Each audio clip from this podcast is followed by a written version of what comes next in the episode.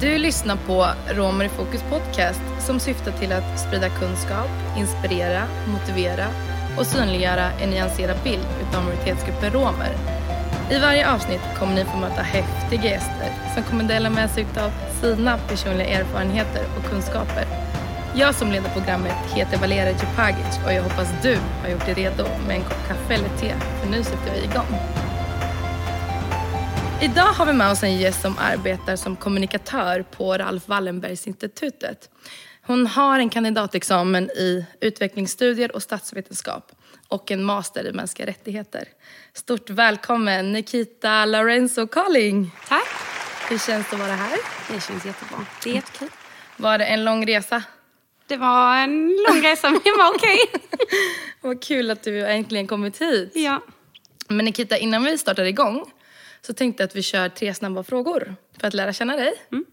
Eh, är du redo? Jag är redo. Reglerna de är väldigt enkla. Du har 30 sekunder på dig och du ska svara så snabbt du kan. Okej. Så, första frågan. Om du fick möjlighet att flyga till ett annat land eller tågluffa, vad hade du valt? Hade jag fått eh, välja att vara i Europa så hade jag tågluffat. Ja. Tågluffa tycker jag är jätteroligt. Jag har gjort det ett par gånger. Ja. Gud vad häftigt. Ja. Vi kör vidare till nästa fråga. Ja. En solsemester eller vintersemester? Solsemester. Sol. Och vad är liksom det optimala stället? Eh, på stranden. Tropiskt. Ja. Är det något Jag vill- specifikt ställe du tänker på nu? Nej, jag, hade, hade jag fått välja att åka på solsemester någonstans hade det väl varit typ eh, Karibien eller Sydostasien. Ah. Tredje frågan. Vill du laga maten eller vill du äta någon som lagar maten åt dig? Jag vill helst äta mat. Nej men jag tycker, jag tycker det är jätteroligt att laga mat. Ja. Men eh, då vill jag inte laga till mig själv bara. Ja, det ska vara tycker fler jag, där liksom. Ja, Ja. för det tycker jag är tråkigt. Eh, så då kan jag lätt bara äta flingor till middag. men eh, annars så äta maten. Jag tycker det är, speciellt om det är någon som är bra på att laga mat. Men är du bra på att laga mat? Eh, definitionsfråga. jag tycker jag är bra på att laga mat. Du bara ja. Men eh, vi börjar från början. Vem är Nikita? Eh, Nikita heter jag. Född i Malmö, uppväxt i Malmö och i Bara, som ligger en bit utanför Malmö. Eh, jag har växt upp med eh, musik, Okej. har jag gjort. Eh, och eh, hela mitt liv, hela min uppväxt handlade i princip om sång och dans. Eh, och sen gjorde jag liksom ett skift. Och då var det någonstans efter gymnasiet som jag kände att jag var lite klar med musiken. för det blev ganska intensivt. Eh, och då valde jag att flytta utomlands. Eh, Vart flyttade du och varför? Eh, jag flyttade till USA. Eh, bodde där i två år eh, och var au pair. Så jag tog hand om barn Men wow. i men två år. Hur var det att liksom lämna lilla Sverige och åka till USA? Det är nog det bästa jag har gjort. Alltså? Eh, och jag var egentligen inte jättenervös över att flytta. För jag var så inställd på att jag skulle lämna Sverige. Ja. Eh, och eh, sen hade jag egentligen inte så mycket tanke på vad som skulle hända. eller att jag skulle ta, liksom, ta hand om barn. Men eh, det gick jättebra. Eh, och jag älskade det. Jag hade inte hemlängtan en enda gång. Ja. Men jag kände aldrig att liksom, jag vill tillbaka. Varför då? Eller så här, var det något som hände i Sverige som du bara nej, jag vill inte vara här? Nej, alltså det har aldrig varit så. Jag har trivts jättebra i Sverige. Eh, men jag bara kände att Sverige var för litet för mig. Eh, det var mer grejer som jag ville göra. Och det var mer som jag ville se och upptäcka. Och det kunde inte jag riktigt göra från Sverige. Nej, jag fattar. Jag först- Men vad var liksom din första reaktion när du kom dit? För du sa att du var 19 år då? Ja. Det var att allting var så stort. Ja. Jag hade varit i USA innan på semester. Men att flytta dit och se liksom mataffären, bilarna. och att allting är så här... Det är så här översocialt. Komma från Sverige där man inte pratar med främlingar och här ska man börja småprata liksom med folk på banken. Det var så här, mm, nej. Så det fick man vänja sig vid. Eh, Men jag var bara så alltså, exalterad över att komma dit tror jag. Men när du kom tillbaka till Sverige, för då var du 21 år. Mm, ja, Ja. Eh, ja, det var jag. Ja. Vad gjorde du? Alltså vad hände sen? Ja, jag eh, sökte in till universitetet i Lund. Ja. Eh, trodde inte jag skulle komma in, men så kom jag in. Eh, och då började jag läsa min kandidatexamen där. Eh, och eh, hade då siktet inställt på att jag skulle stanna i Sverige för alltid. Alltså? Ja, men sen började jag plugga och flyttade utomlands lite igen, var lite i Sverige. gått lite fram och tillbaka. Men varför ville du, eller så, varför hade du inställningen att du skulle vara i Sverige? Händ, eller så här, vad var det? Jag vet faktiskt inte. Det var väl bara för att nej men nu har jag gjort detta, nu ska jag flytta hem för att alla andra har gjort så. Eh, tänkte väl jag. Men sen insåg jag väl ganska snabbt att jag var, blev uttråkad ganska fort när jag väl hade kommit hem. Okej. Så hur länge var du kvar i Sverige innan du flyttade? Jag var hemma i lite över ett år innan jag flyttade igen. Mm. Men gjorde du studierna då alltså så på distans eller? Nej, utan då, hade vi, då läste vi ju... eh, Jag började min kandidatexamen och så läste jag första två terminerna här. Och sen så eh, kunde vi antingen välja att ta extra kurser i Sverige eller så kunde vi läsa på ett universitet utomlands och då valde jag utomlands. Ja men så här utbytesstudier? Ja, precis. Ah, och vad, vad blev det då? då? Då åkte till Bangkok i Thailand. Wow. Okej, hur var det där? Det var en kulturkrock, eller en kulturchock. Eh, det var första gången jag verkligen liksom var i Asien. Eh, och eh, jag ringde hem till min mamma tror jag, efter ett par dagar och sa att, och grät. Nej. För jag bara, jag kan inte bo här. Och mamma bara, jo. Så nu har flyttat, nu stannar du. Varför? Ja, men det var alltså, komma från Sverige till Bangkok. Alltså, det är ju folk överallt. Ja. Det är liksom kaos. Ja. Eh, och det är inte så många som pratar engelska så liksom kommunicera gick ju inte så bra. Eh, men eh, efter ett par veckor så älskar jag det. Och det är verkligen en sån här grej som att antingen älskar du eller så hatar du Bangkok känner jag. Ja. Eh, och jag älskar det. Det är bara att du måste komma in i det. Det blir ju mycket när man flyttar. För man ska komma in i allting. Eh, men jag tyckte det var hur härligt som helst. För att det blir så mycket energi. Ja. Så fort du går ut på gatan så har du folk. Och, där är liksom, och det är lite det som jag kan sakna här. Att det är så tyst. Men jag tänker så här Nikita, vad är ditt starkaste minne från Bangkok? Liksom, eller det bästa minnet som du har med dig? Från Bangkok? Jag tror det är, i så fall är det nog från eh, Thailand överlag. Men det är nog bara att jag fick chansen att resa så mycket som jag fick. Ja. Och se så mycket. Ja, runt omkring menar du? I land? Ja, Eh, och även i Bangkok. Eh, men just att man har den här... Jag tycker det för jag fick ju lära mig jättemycket om andra kulturer, även om jag kunde ganska mycket tyckte jag innan. Så fick du lära dig så mycket mer eh, när du flyttar till ett nytt ställe på det sättet. Och jag valde ju också för att många av mina vänner valde att eh, ha sin ut- utbytestermin i Europa. Ja. Men då kände jag att eftersom att jag läste utvecklingsstudier så ville jag ju komma till ett utvecklingsland och se hur det funkar där. Ja. Eh, och komma ut på landsbygden och så. Det var ju en, hel, alltså en jättestor skillnad från att vara inne i stan. Och även inne i stan kan du se liksom de här stora, stora, dyra köpcenterna. Och så precis bredvid så bor där folk i liksom små egenbyggda skjul typ. Och det är ganska sjukt att se. Den där kontrasten. Precis. För det Och har liksom- vi ju inte här alls. Nej, och där har du en helt annan kontrast på liksom rika och fattiga. Men vad är ditt bästa minne därifrån i Asien? Oj. Ehm, det är nog bara liksom att eh, resa runt och se allting som jag ville se. Och göra så mycket grejer som jag bara liksom kunde bocka av från min lista. Alltså du hade skrivit ner så här, det här och det här måste jag hinna med. En så mål eller ja, men platser du vill besöka och sådär. Precis. Eh, och då var det... Eh, så jag ville ta mitt eh, dykarcertifikat, så det gjorde jag. Aha. Så jag kunde dyka. Dyker inte så mycket här i Sverige för det är väldigt kallt. så jag har inte dykt på ett tag. Men, ehm, och sen var det de olika länderna som jag ville till och vad jag ville se och vad jag ville göra. Så att ibland var det kortare resor men sen blev det ju också längre på andra ställen. Eh, och det var ju väldigt lätt att ta sig runt. Både med buss, med tåg, med flyg. Ja. Men Nikita, du har ju inte bara bott i Thailand och USA utan du har bott i fler länder än det. Var, var, vart flyttade du efter Thailand? Eh, efter Thailand så flyttade jag till Brasilien. Eh, där hade jag praktik eh, på svenska ambassaden där. Oj, hur var det? Det var jätteintressant. Eh, och då, hade, var jag, då gjorde jag liksom på avdelningen som sysslade med politik, mänskliga rättigheter och klimatfrågor. Och det var jätte, jätteintressant för att då hade deras president då, dåvarande Bolsonaro, han hade precis blivit invald föregående året. Eh, så det var mycket om det. Så, så det var superintressant. Men den blev eh, kortvarig på grund av att eh, pandemin kom. så jag fick flytta hem. Ja. Hur, hur länge var du där då? Då var jag där i tre månader. Ja. Mm. ja. Så du blev hemskickad kan man säga eftersom du gjorde praktik på ambassaden? Ja, UD skickade hem alla, alla praktikanter på grund av alltså, risken med att vara kvar. Ja. Okej, då förstår jag. Mm. Men hade du velat eh, göra praktik på en ny, eller am- arbeta på en ambassad, eh, en svensk ambassad i ett, något annat land? Jag hade faktiskt praktik på svenska ambassaden i Portugal i våras. Så där var jag också. Ja. Eh, Det är en helt annan typ av... Liksom, det blir ju en helt annan sak att vara på en ambassad i ett EU-land jämfört med i Brasilien. Ja. Ehm, och jag är öppen för att vara på en ambassad, men då ska det vara... Då tror jag att jag hade varit mest... Man får inte, liksom inte välja på det sättet. Eh, och det är det som jag kan tycka är lite tråkigt. Men diplomati tycker jag är jätteroligt. Det är jättekul. Eh, men det är ju en väldig skillnad att jobba på en alltså statlig myndighet eh, och privat.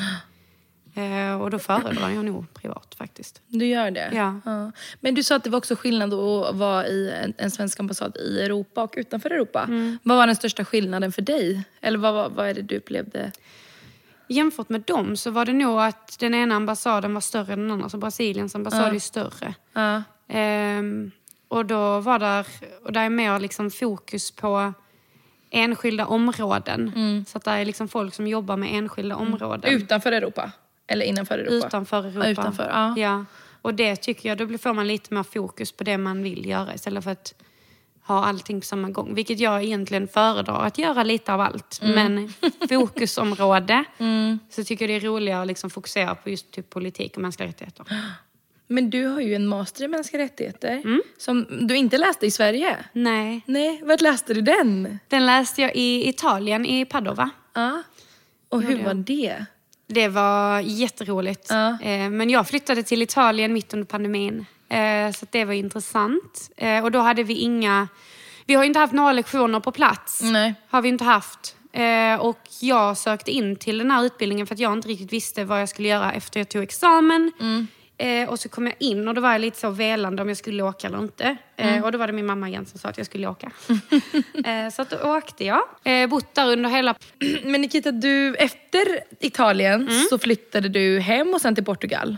Nej, utan Nej. jag bodde i Portugal eh, under tiden jag var i Italien. Alltså du bodde där båda ställena kan man säga. Ja, eh, jag valde att ta min praktik samtidigt som jag skrev mitt examensarbete. Så jag gjorde båda sakerna samtidigt. Eh, så att hela våren, eh, hela vårterminen när vi skulle skriva vårt examensarbete så flyttade jag till Portugal i sex månader. Hur, vart i Portugal bodde du då? I, eh, utanför Lissabon. Men eh, ditt eh, examensarbete, för då skrev du om strukturell diskriminering mot romer. Mm. Eh, berätta lite mer om det arbetet. Ja, jag eh, valde att eh, skriva mitt examensarbete om strukturell diskriminering mot romer i Sverige. Eh, och då var det mycket baserat på, jag ville ha mer, det finns mycket siffror. Men jag vill inte att en människa, människa ska vara en siffra. Och det var lite därför jag ville komma in på att varför är det som det är. Eh, genom att göra intervjuer. Eh, och då frågade jag folk, då ville jag ha en bred eh, åldersgrupp. Så jag frågade folk i olika åldersgrupper och sen jämförde jag de här olika åldersgrupperna om det var någon skillnader och så. Eh, men då var det mycket så här baserat på eh, hur du har blivit diskriminerad, eh, hur du kände i den situationen, varför har det hänt? Eh, och även när man går in på det här med eh, polisregistret eh, så intervjuade jag också folk och då var det liksom att folk vet ju inte om att de har varit med för du måste ju kolla upp det själv. Eh, och en sån sak att folk kanske inte vet om det. Eh, och sen vill jag se om folk har koll på strategin. Eh, och lite sådana grejer var det. Men det var mycket, jag berättade mycket liksom historiskt. Eh, för att de här arbetena som man skriver i Italien, eh, masterarbete där är på runt 150 sidor. Oj. Så att jag var tvungen att ha med ganska mycket. Ja. Och då tänkte jag att men då ska jag göra det så omfattande som jag kan på liksom det jag kan ha jobba med. Eh, och då tyckte jag att då var det liksom perceived discrimination. Vad det nu heter på svenska. Men eh, hur, man, hur man upplever diskrimineringen. Och inte att, ja men okej du blir diskriminerad. Men hur upplever du det? Men var det också så, alltså, för att mm, om man, man kan ju uppleva någonting som diskriminering men det är inte per liksom, definition är diskriminering. Nej. Var det det också? Eller, var, eller sen när du valde dina, din målgrupp, hur gick du tillväga för att hitta... Nej, alltså jag började med att kontakta vissa och sen så var det liksom att jag frågade dem om du, har någon, om du känner någon som Mm. kan tänka sig att delta så får du gär- gärna liksom sprida vidare så. Och det var så jag hittade Mm, många. Eh, och då berättade de ju om sina erfarenheter. Och många gånger kunde det vara liksom små saker som att det var någonting som har, alltså, de har blivit tillsagda eller någonting som har hänt. Men sen kunde det även vara större grejer som att folk liksom, ja men jag får byta efternamn och sådana grejer på grund av någonting som har hänt. Eh, så att det var en väldigt stor blandning av svar som kom in. Och jag hade väldigt öppna frågor för jag ville inte att jag skulle bestämma vad de skulle svara. Precis. Så att jag hade en väldigt öppen frågeställning och jag la även till att man då kunde ehm, alltså tillägga om man hade någonting. För jag kände att jag, det finns också mycket som inte jag vet om eller jag kan tillföra. Och då vill jag gärna ha in det som extra. Liksom. Utifrån din uppsats, liksom, vad är slutsatsen? Hur ser strukturell diskriminering ut i Sverige bland romer? Eller om romer? Ja, alltså det är att... Alltså det är egentligen det man vet egentligen, men det är ju lite så man vill ju ha det på papper. Det är att Sverige är ju jättebra på papper, men det är ju inte så i verkligheten. Nej. Det är ju inte så. Och att det är så många som säger att nej men det händer inte här och hela den här grejen. Och en stor del av mitt arbete var att jag pratade om eh, diskrimineringslagen och att man har tagit bort ordet ras. Eh, och att det gör jättemycket för det här. För att du tar bort erfarenheter som har hänt. Som är baserat för att etnicitet och ras är inte samma sak. Eh, och då tar du bort allt det som har hänt de här människorna. Eh, och en sån grej som att Sverige då ska mörklägga lite sin historia med rasbiologin och de ska liksom mörklägga alla listor som har förts och då gör man det på ett sätt som att de tänker ju bra men det utförs på fel sätt kan jag tycka. Hur menar du då till exempel? Men att man inte ska listföra romer till exempel. För att där är historiskt sett så har det ju inte varit bra. Nej. Men samtidigt så, där, om du själv identifierar dig som rom, så tyck, alltså då har du ju det på ett helt annat sätt. Då, kan, alltså då får du ju liksom listor. Men baserat på din egen identitet, inte att någon annan ska föra en lista. Eh, och jag förstår att det blir, en, det är väldigt svårt, alltså, alltså en svår logistik att arbeta med. Men det, du ska inte ta bort allting eller ha det på samma sätt som det var innan. Jag tycker att man kan hitta liksom en, ett mellanting där som man kan använda sig av.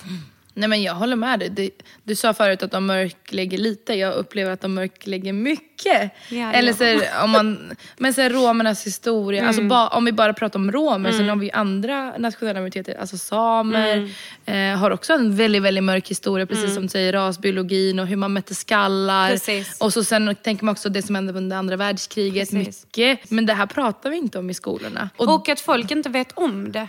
Det är ingen som vet om det. Och även när du pratar om hur många romer det är som, som blev mördade under andra världskriget så är det ju en väldigt liten siffra jämfört med vad den riktiga siffran faktiskt är. Och det är också en sån grej. Och att Sverige inte tillät romerna att komma in i Sverige efter andra världskriget. Och Det då är det liksom också en sån grej som att, alltså det var inte många år sedan. Nej. Det var inte många år sedan och de var inte välkomna in här efter ett krig. Bara på grund av att man är rom. Eh, och det är de grejerna som, som gör att jag kan bli väldigt frustrerad för att folk inte vet om det. Och de är inte intresserade av att veta det heller egentligen. För att jag kan tycka att det ska vara en del av Alltså det ska vara en del av läroplanen. Du ska lära dig detta i skolan. Lär du dig om andra världskriget, då ska du lära dig om alla de grupperna som blev utsatta. Inte bara en grupp. Men varför tror du att det ser ut som det gör nu? Varför tror du inte att vi har inkluderat det i läroplanen? För det här debatten har ju varit uppe ganska många gånger, alltså turer. Att man ska in och ändra och inkludera mer information om nationella minoriteterna. Eller så, jag tycker att det är grundläggande kunskaper som Ja. man bör få med. Eh, för om man tittar liksom vad man lär sig under gymnasietiden Mm. så kan det vara väldigt, väldigt fort, alltså under svenska lektionen, man, får ta, man får reda på att man har fem nationella minoriteter, de heter så, så, så och that's it. Mm. Eh, det finns ju ingen fördjupad, upplever jag. Eh, nu kanske de har ändrat, det vet jag inte. Nej, alltså det har ju kommit lite mer. Men jag tror också det har mycket att göra med vilken... Alltså, oavsett, det står ju med i läroplanen. Men jag tror det har mycket att göra med vilken lärare du har också. Men eh, det som du säger, det måste, för det jag fick lära mig det var att ja, det finns fem minoriteter, de har de här språken. Men du har ju inte något mer ingående. Och jag kan ju träffa på folk idag som inte riktigt förstår. Alltså det, för någonting som jag kan, alltså jag kan nästan skratta åt det för jag tycker det är lite absurt när man säger att "Ja, men jag är rom. Ja, men är du från Rumänien? Nej, jag är inte från Rumänien. Och det är så här, men alltså hur kan du inte ha koll på det här? Och jag menar, jag är inte same, men jag har ändå koll på att det är en minoritet.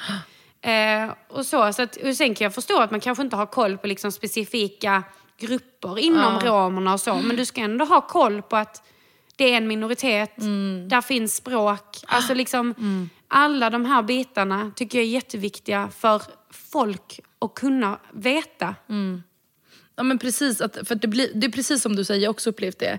Eller att man är från Rom, Italien. Ja. det där är det typiska, Ja. Rom eller Rumänien. Ja. Men det jag tänker på är ju, eh, alltså du identifierar ju dig som rom. Mm. Och har du alltid varit öppen med din romska identitet i olika sammanhang?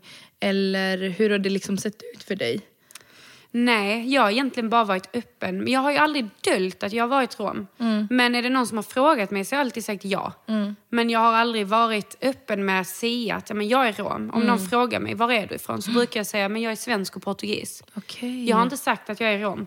Det är någonting jag har gjort de senaste kanske tre, fyra åren kanske, max. Eh, och jag tror det har att göra mycket med att, för att så fort har kom, alltså man, jag har sagt att jag har varit rom, om någon har frågat så blir det alltid såna här små skämt som jag ska sitta och skratta med och jag tycker inte det är jätteroligt. Men jag känner mig jätteobekväm i en sån situation. Och då blir det så här att, haha vad roligt. Um, Alltså skämt om den romska identiteten eller hur menar du? Ja, men alltså så här stereotyp om att åh, ja men då ska du komma hit och stjäla. Oj. Eller ja men, åh, ja men du, och nu, alltså det här med att man, eller att jag har flyttat så mycket. Då kan det vara att ja men det har du i blodet. Alltså jag blir så arg när jag hör detta, för det är verkligen stereotyper och fördomar. Ja. Och att eh, de personerna tror att det är accepterat att skämta på ett sånt sätt. Precis. Och då är det liksom, och det får jag ju, alltså det får jag ju höra än idag. Men nu är det lite så, nu är man liksom, okej jag är vuxen, man kan ta det på ett annat sätt.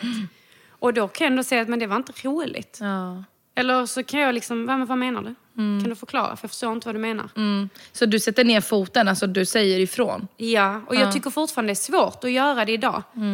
Jag tycker det är mycket lättare om det hade hänt någon annan. för jag kan säga ifrån alltså för någon annans skull. Men jag tycker det är svårare att göra det till mig själv. För att det blir, jag blir jätteobekväm i den situationen. För så blir jag så här också, vad tycker du egentligen? Ja. Vad ska den här människan göra? Jag vet ju inte. Om det är någon jag inte känner. Eh, men så att där har det varit lite så. Och det, alltså det har varit så ända sedan jag var liksom liten, gick i skolan. Men det är ingenting jag har tänkt på egentligen. Nej. Förrän nu när man faktiskt börjat tänka igenom det och sitta med det. Och när jag fick läsa de här svaren från intervjuerna. Där folk berättar grejer som jag bara sa, nej men vänta detta har någon ju sagt till mig också. Men jag har inte reflekterat över att, nej men vänta så här kan man inte säga. Ja. Så att det är ingenting som jag egentligen har reflekterat över på det sättet. Men jag har ju aldrig varit öppen med att jag är rom förrän de senaste åren. Men jag tänker i de andra sammanhangen du har bott i de andra länderna. Eh, vad- te- Reflekterar du mycket över din romska identitet då eller inte? Eh, när du bodde i de andra länderna. Alltså jag tänker om det fanns romer som levde där eller om du träffade på någon eller...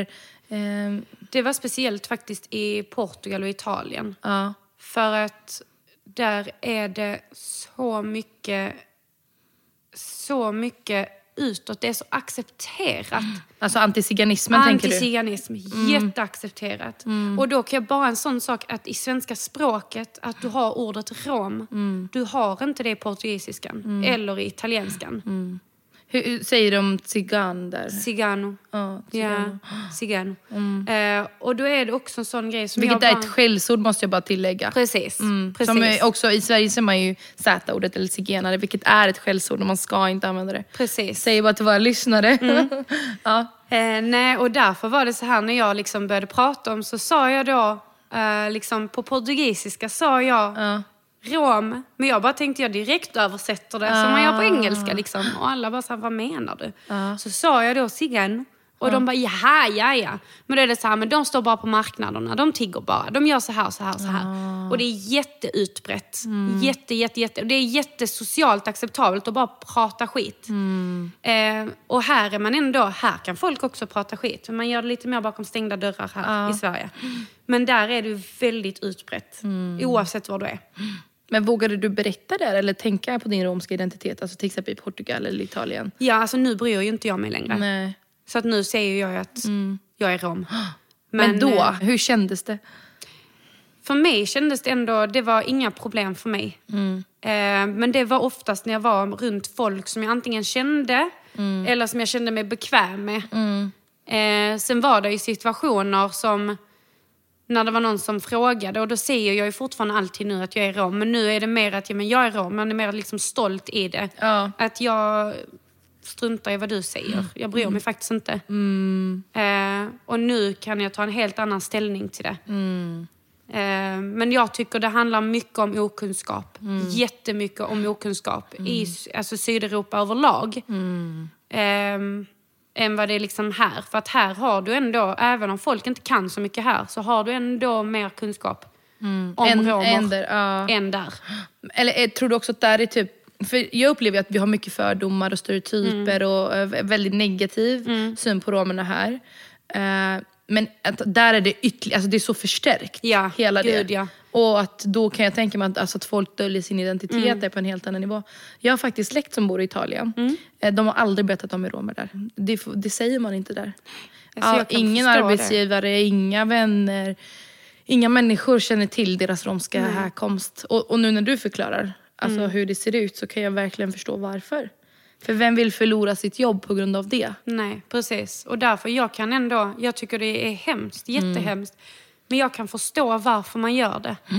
För att du vill ju fortfarande liksom upprätthålla ditt liv. Men det är hemskt att du ska behöva gå och dölja en sån del av dig.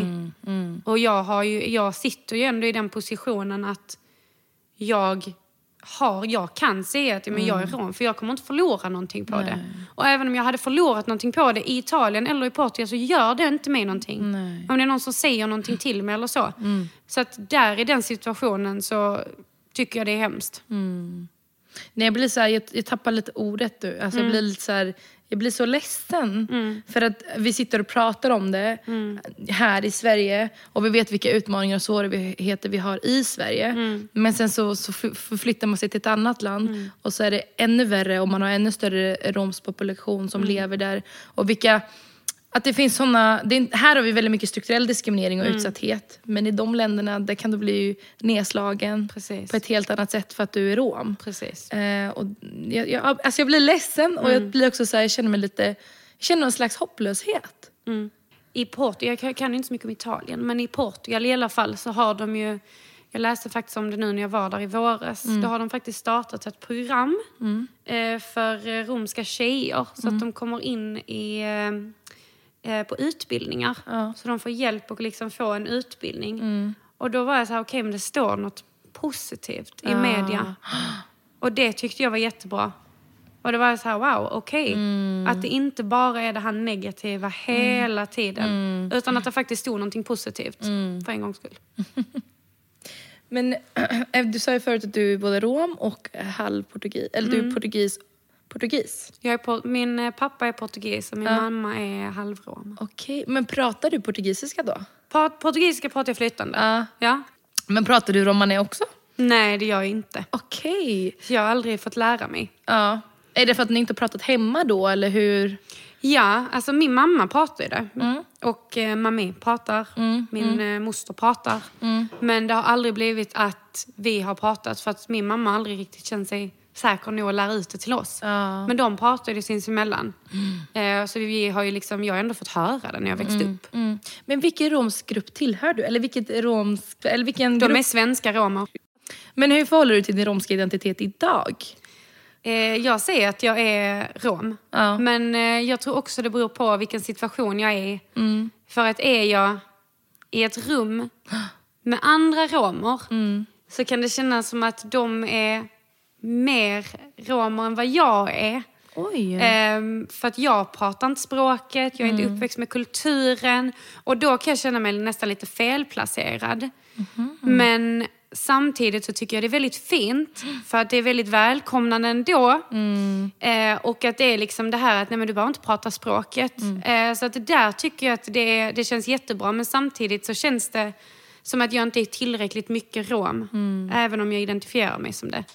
Eh, och det är samtidigt som att det ibland känns det som att jag inte är tillräckligt mycket svensk. Eller för att är jag i Sverige så brukar jag säga att jag är portugis. Ehm, men nu är jag portugis och rom de senaste liksom nu. Men annars har det alltid varit att jag är portugis. Men så fort jag kommer till Portugal så är jag ju svensk. Svensk. Eller när jag har bott utomlands så är jag svensk. Ja. Så att hela den här grejen att man inte riktigt känner att vad, var passar jag in någonstans. Den är jättesvår. Eh, och att det här att jag ser inte ut som en typisk svensk i andras ögon. För att jag är inte blond. Jag har liksom, ja men min hy är inte liksom kritvit. Nej. Så hela den biten. Och då blir det lite så här att ja, men då ska man stå och förklara sig var man är ifrån. Ja, men min mamma har den här bakgrunden, min pappa har den här bakgrunden. Och då ska man förklara sig själv. Och jag tror att det blir... eh, Så att det är liksom oavsett var jag är någonstans så känner jag väl aldrig riktigt att jag är 100% av någonting. Och jag tror det kommer lite med att man har olika bakgrunder. Och jag tycker det är jättebra att jag har olika bakgrunder för så mycket som jag har fått kulturellt hade jag inte fått annars. Men det som är så intressant också det du säger att man behöver ju inte heller Alltså, man behöver inte, man har ju inte bara en identitet. Man behöver ju heller inte passa in i det här facket. För vi har så många fack som man, man måste alltid bli placerad i. Jag tycker det är så viktigt det du belyser. Liksom, för jag tror att jag själv känner igen mig jättemycket i det du säger. Att i vissa sammanhang känner jag mig mer svensk, i andra sammanhang känner jag mig rom. I vissa sammanhang känner jag att jag passar inte ens... Alltså, I vissa sammanhang är jag, är, är jag europé. Så att det är väldigt så här, beroende på situation. Precis. Men att det är, så, det är så bra att du liksom belyser det här att man behöver inte alltid ha den här, liksom, the Nej. ticket, alltså jag är det här. För att du kan vara allt och ingenting. Precis. Och att det är accepterat tycker jag. Alltså det är viktigt att kunna liksom, det är okej Mm. att känna så. Ehm, men Nikita, alltså jag känner så här, jag vill gärna sitta mer och prata med dig så här, om dina resor, den romska identiteten, dina utbildningar. Men också ditt eh, arbete på Ralf Wallenberg-institutet. Ehm, men jag tänker att vi får ta det nästa gång i ett nytt avsnitt.